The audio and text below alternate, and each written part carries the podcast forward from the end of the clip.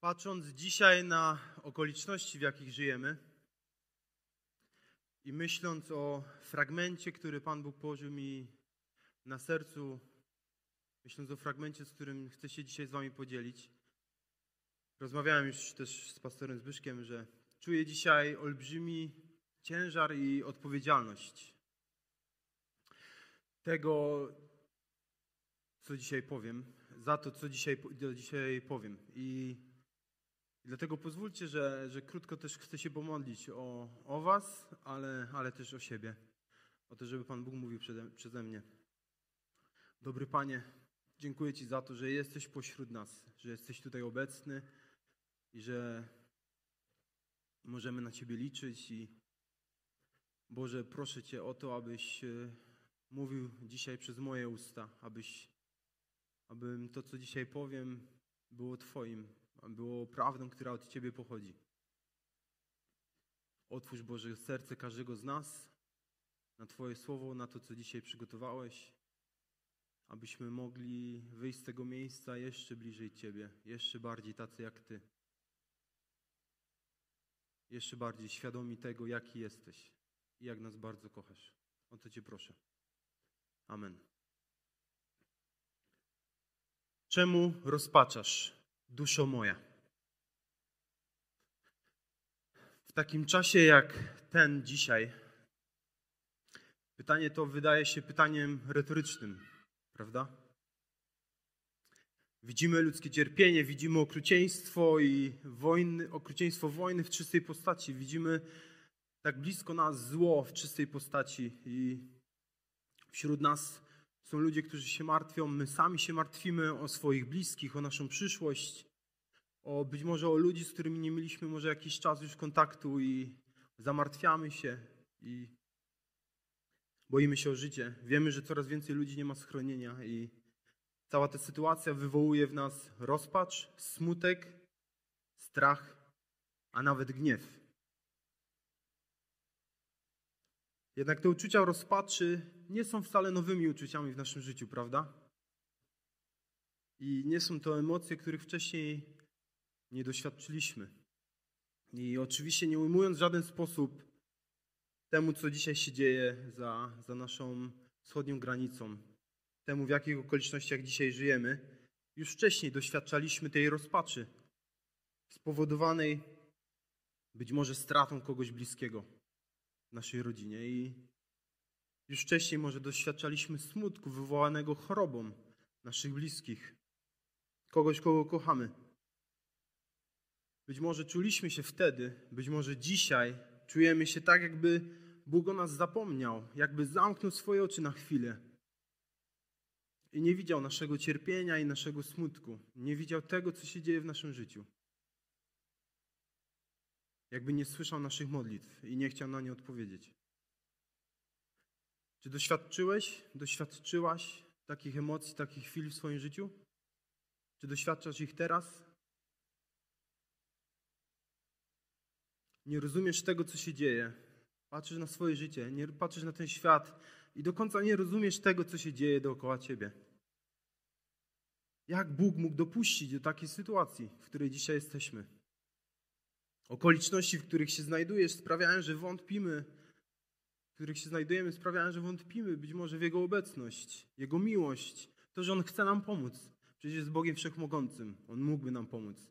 Więc skoro nie pomaga, pewnie tego nie chce.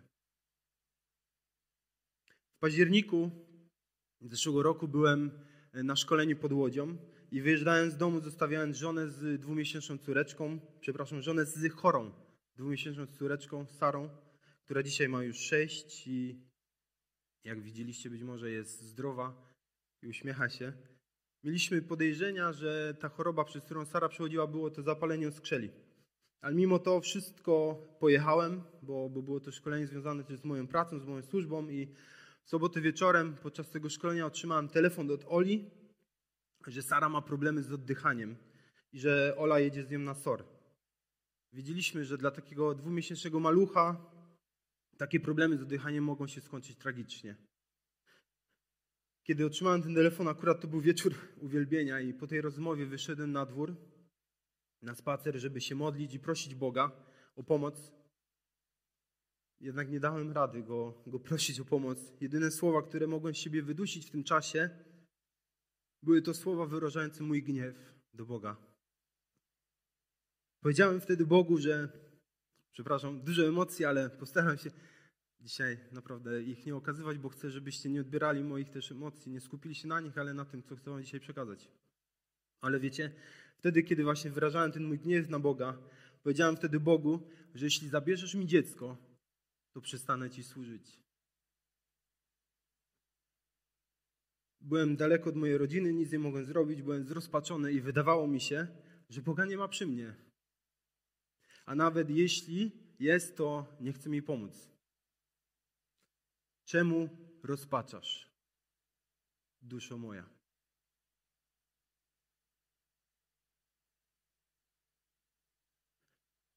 To pytanie, które być może sobie dzisiaj zadajesz. Temat dzisiejszego słowa pochodzi z dwóch psalmów, z psalmu 42 i 43. Przewodnikowi chóru, pieśń pouczająca synów Koracha. Jak jeleń pragnie wód płynących, tak dusza moja pragnie Ciebie. Boże, dusza moja pragnie Boga, Boga żywego. Kiedyż przyjdę i ukażę się przed obliczem Boga. Łzy moje są mi chlebem we dnie i w nocy, gdy mówią do mnie co dzień, gdzie jest Twój Bóg? Wspominam to z wielkim rozrzewnieniem, jak chodziłem w tłumie, pielgrzymując do domu Bożego wśród głosów radości i dziękczynienia tłumu świętującego. Czemu rozpaczasz, duszo moja? I czemu drżysz we mnie? Ufaj Bogu, gdyż jeszcze sławić Go będę. On jest zbawieniem moim i Bogiem moim. Dusza moja smuci się we mnie. Dlatego wspominam Cię z krainy Jordanu i szczytów Hermonu, z gór Misar. Głębina przyzywa głębinę w odgłosie wodospadów Twoich. Wszystkie nawałnice i fale Twoje przeszły nade mną. Za dnia wyznacza Pan łaskę swoją, a w nocy śpiewa Mu pieśń. Modlę się do Boga życia mego. Mówię do Boga, skało moja, dlaczego zapomniałeś o mnie? Dlaczego posępny chodzę, gdy trapi mnie nieprzyjaciel? Jest mi tak, jakby kruszono mi kości, gdy mnie lżą wrogowie moi, mówiąc do mnie co dzień, gdzie jest Bóg Twój? Czemu rozpaczasz, duszo moja? I czemu drżysz we mnie? Ufaj Bogu, gdyż jeszcze sławić Go będę. On jest zbawieniem moim i Bogiem moim. Bądź sędzią moim Boże i rozstrzygnij spór mój z narodem bezbożnym. Wybaw mnie od ludzi fałszywych i niegodziwych, ponieważ Ty jesteś Bogiem moim, ostoją moją. Dlaczego mnie odrzuciłeś? Dlaczego mam chodzić smutny, gdy nieprzyjaciel mnie dręczy? Ześlij światło i prawdę swoją, niech mnie prowadzą, niech mnie wprowadzą na górę Twą świętą i do przybytków Twoich. Wtedy przystąpię do ołtarza Bożego, do Boga wesela i radości mojej i będę Cię wysławiał na cytrze. Boże, Boże mój, czemu rozpaczasz, duszo moja? I czemu drżysz we mnie? Ufaj Bogu, gdyż jeszcze sławić Go będę. On jest zbawieniem moim i Bogiem moim. Obydwa te psalmy możemy podzielić na, na trzy części i każdą z tych części psalmista kończy tym samym jakby refrenem. Słowami, na których dzisiaj chcemy się skupić. Psalmista zadaje pytanie sam do siebie, ale myślę, że też dzisiaj do nas. Czemu rozpaczasz, duszo moja, i czemu drżysz we mnie? Ufaj Bogu, gdyż jeszcze sławić Go będę. On jest zbawieniem moim i Bogiem moim. W pierwszej tej części czytaliśmy, że widzimy, jak psalmista porównuje swoje pragnienie, do, pragnienie Boga do, do jelenia. Niektórzy uważają, że ten jeleń był właśnie opisany jako ten jeleń w trakcie suszy, i który pragnie się napić tej takiej źródlanej, płynącej, zimnej i czystej wody. Potrafimy sobie wyobrazić to takie pragnienie, kiedy, kiedy mamy suchość w gardle, bardzo długo już nie piliśmy i, i kiedy wyobrazimy sobie teraz tą taką zimną, czystą, źródlaną, płynącą wodę, która mogłaby gasić nasze pragnienie. I takiego obrazu używa tutaj psalmista. Ale z tego, co pisze dalej, widzimy, że to pragnienie nie jest do końca ugaszone. Bo czytamy w kolejnych wersetach, że zaczyna opisywać on swoje cierpienie i swój smutek. Mówi o łzach, które mu towarzyszą każdego dnia, w ciągu dnia i w ciągu nocy.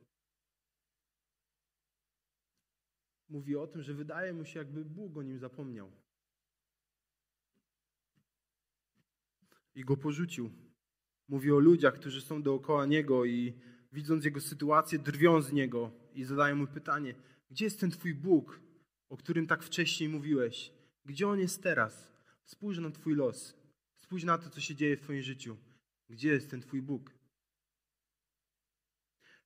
Mimo tych okoliczności, czytamy, że ten psalmista na początku postanawia jednak wspomnieć dobre dni. Dni, w których chodził do domu Bożego, świętując z ludźmi, którzy śpiewali radosne pieśni, a serca mieli przepełnione wdzięcznością Bogu.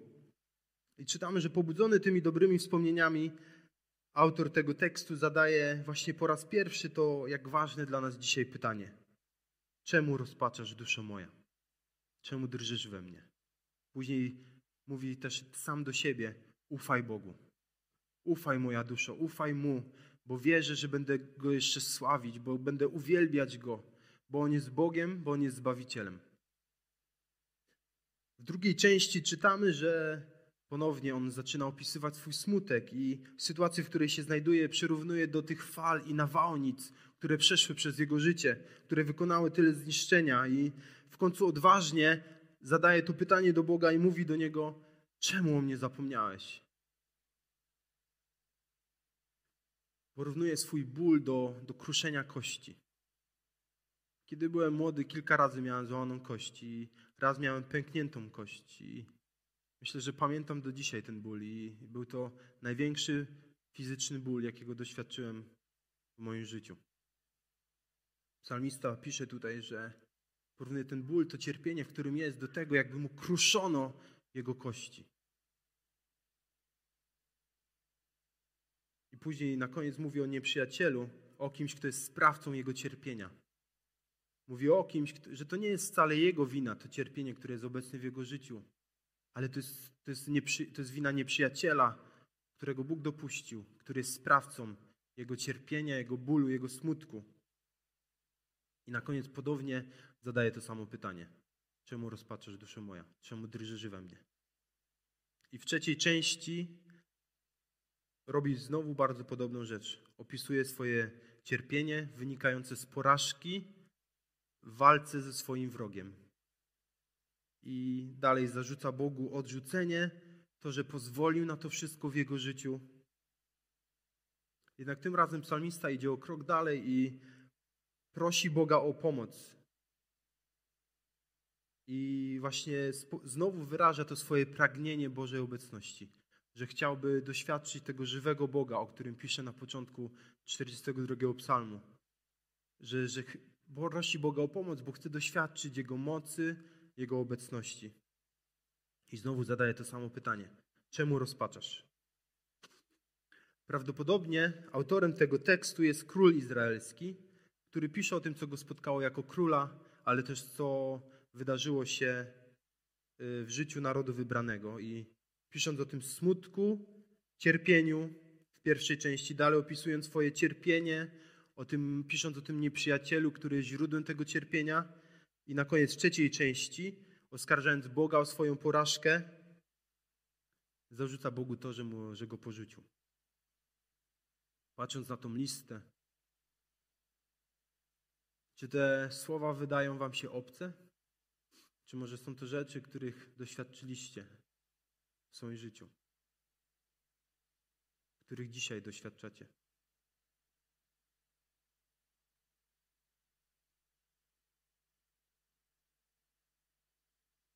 Jednak mimo tego wszystkiego, mimo tej listy, mimo tego cierpienia, bólu, trudnej sytuacji, w której znajduje się ten król czy cały naród, mimo tych okoliczności, które krzyczą do niego, że Bóg go zostawił, że zapomniał o nim.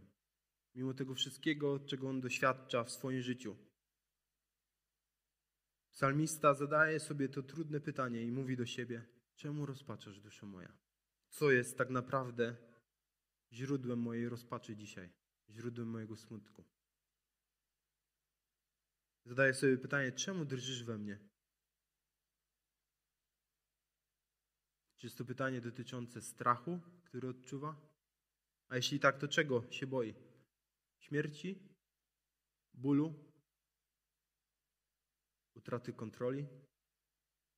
A być może martwi się o, o swoich bliskich. Martwi się na, o cały naród, za który jest odpowiedzialny jako król. Dzisiaj patrzymy dookoła na sytuację, w której żyjemy, na otaczający nas świat i, i my także dzisiaj mamy wiele powodów do rozpaczy, wiele powodów do smutku. I, I to jest prawda. Nie musimy jej wcale wypierać, ani nie musimy wcale udawać, że, że to, co się dzieje, to tego nie ma. Więc myślę, że tym bardziej warto, żebyśmy dzisiaj na chwilę się zatrzymali i, i pomyśleli o tym psalmie, ale też o tym pytaniu, ale też o tym, co ten psalmista robi poprzez to pytanie, które zadaje sam do siebie. Ale też o tym, co on mówi do siebie, o tym, jak zachęca siebie, żeby ufał Bogu i dlaczego ma ufać, bo on w tym tekście o tym mówi. Psalmista za każdym razem w tych trzech częściach mówi, zachęca sam siebie do ufania Bogu. I myślę, że to jest kluczowe dla życia każdego wierzącego człowieka.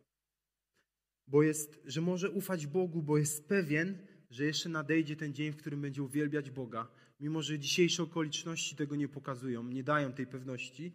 Co więcej, że mimo tych trudnych okoliczności on jest pewien, że może ufać Bogu, bo Bóg jest jego zbawicielem.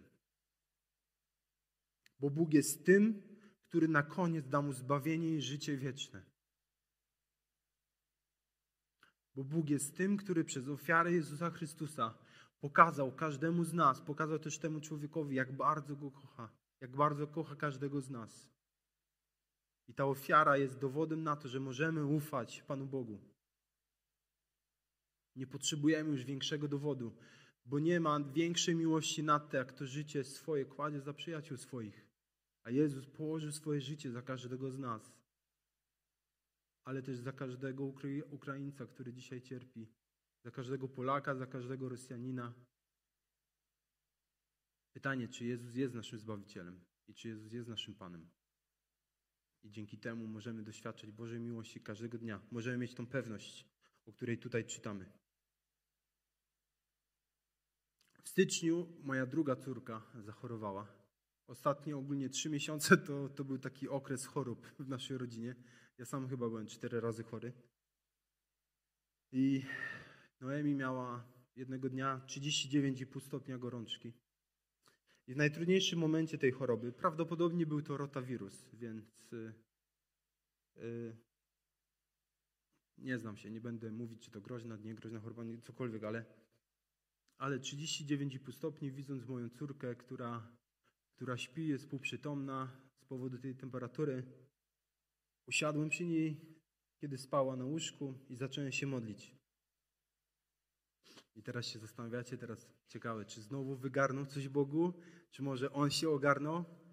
I wiecie, jak brzmiała ta modlitwa? Nie pamiętam dokładnych słów, więc to, co przeczytam, może być delikatną parafrazą, ale pamiętam, że powiedziałem do Boga: Boże, ufam Tobie. Wiem, że kochasz Noemi bardziej, dużo bardziej niż ja że ona jest moją córką tylko na chwilę.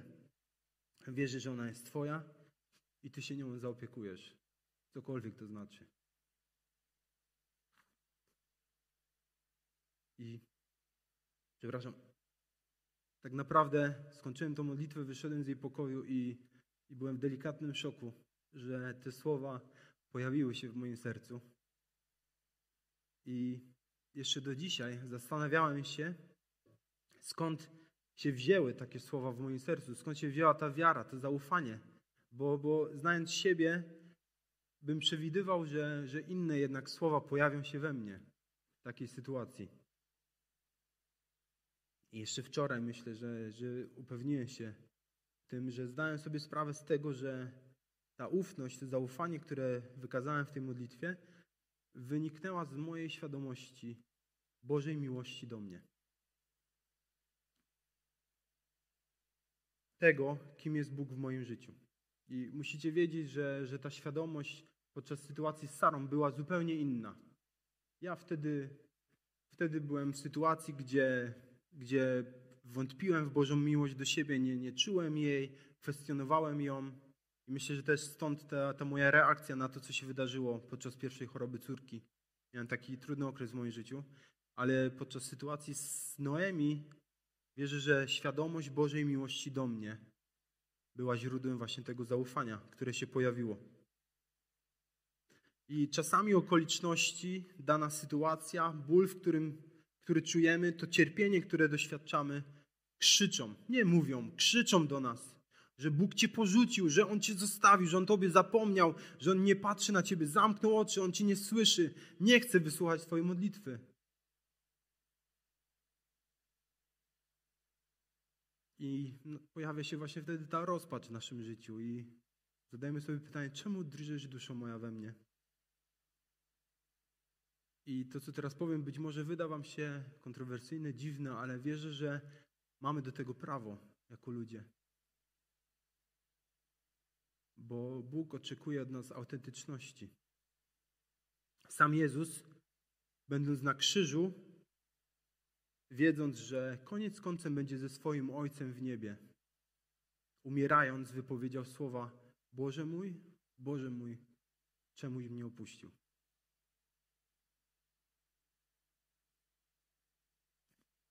Wierzę, że te słowa Jezusa dają nam pewną wolność do, do tego, abyśmy my, jako, nawet jako dzieci Boże, żebyśmy, że Bóg oczekuje od nas autentyczności, że On nie jest poprawnym Bogiem, który oczekuje tej takiej poprawności, tej maski poprawności od swoich dzieci. Tylko, że On jest Bogiem, który jest zainteresowany nami, jeżeli jest w naszym sercu ból i cierpienie, a nawet gniew, to Bóg chce, żebyśmy Mu to oddali. Żebyśmy nie, nie udawali, że Boże, wszystko jest ok dzisiaj, wszystko jest w porządku, ufam Tobie, a w sercu się gotuje, w sercu po prostu pojawiają się emocje, których nie potrafimy okiełznać. Ale na ustach, Boże, ufam Tobie.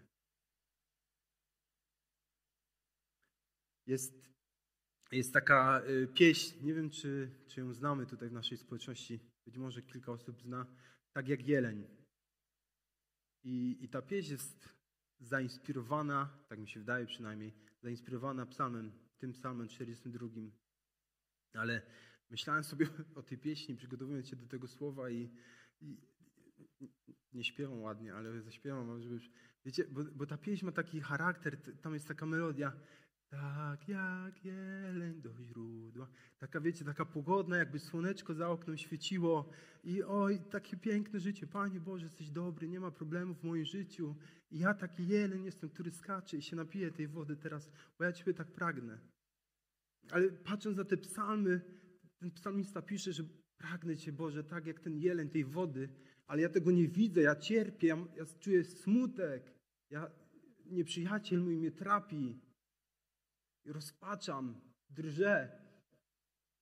Ten psalm nie jest o, o jelonku, który szuka wody, szuka Pana Boga i jest taki pogodny, tylko ten psalm jest o cierpieniu, o tym, że Bóg jest Bogiem, który, który chce nas znaleźć w tym naszym cierpieniu, w naszym smutku. Jezus oddając za nas swoje życie, dał dowód tej wielkiej miłości i zatroszczył się o naszą wieczność. Możemy ufać naszemu Bogu, bo On udowodnił nam już dawno temu, że kocha nas. Już dawno temu zatroszczył się o naszą przyszłość.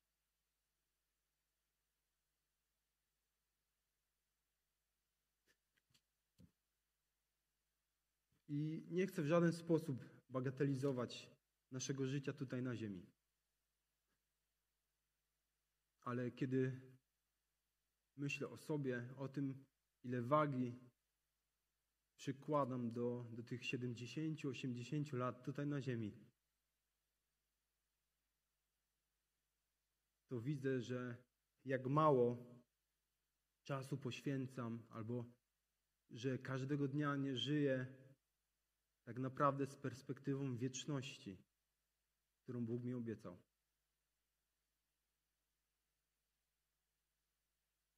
Że dużo bardziej skupiam się na tym, co jest tu i teraz, zamiast żyć perspektywą wieczności, którą mam zagwarantowaną w Jezusie Chrystusie dzięki Jego miłości.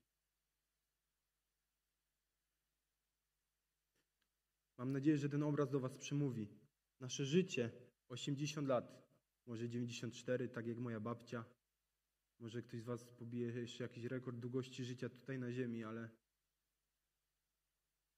myśląc, porównując ten okres życia naszego do wieczności, nasz umysł jest zbyt ograniczony, żeby, żeby to w jakikolwiek sposób porównać.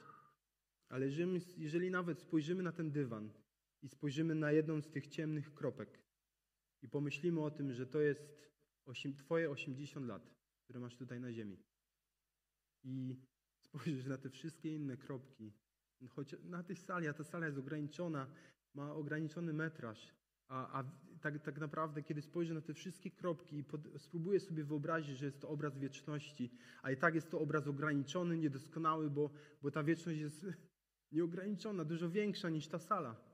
Ale Twoje życie jest jedną z tych czarnych kropek. Myślę, że mam nadzieję, że ten obraz Wam pomaga zacząć myśleć o, o wieczności, którą mamy zapewnioną w Bogu jako dzieci Boga.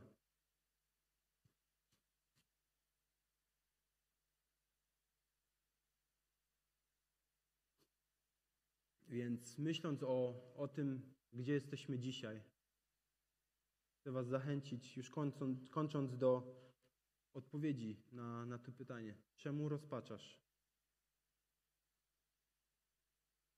Do zastanowienia się nad tym, czy ufasz Bogu dzisiaj. I czy to zaufanie wypływa z pewności tego, że Bóg Cię kocha i zatroszczy się o Twoją przyszłość.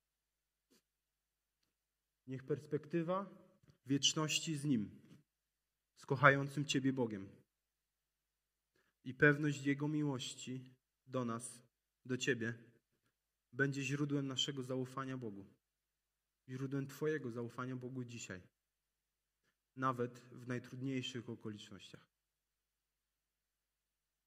Niech perspektywa wieczności z Nim i pewność Jego miłości do Ciebie będzie źródłem Twojego zaufania Bogu nawet w najtrudniejszych okolicznościach.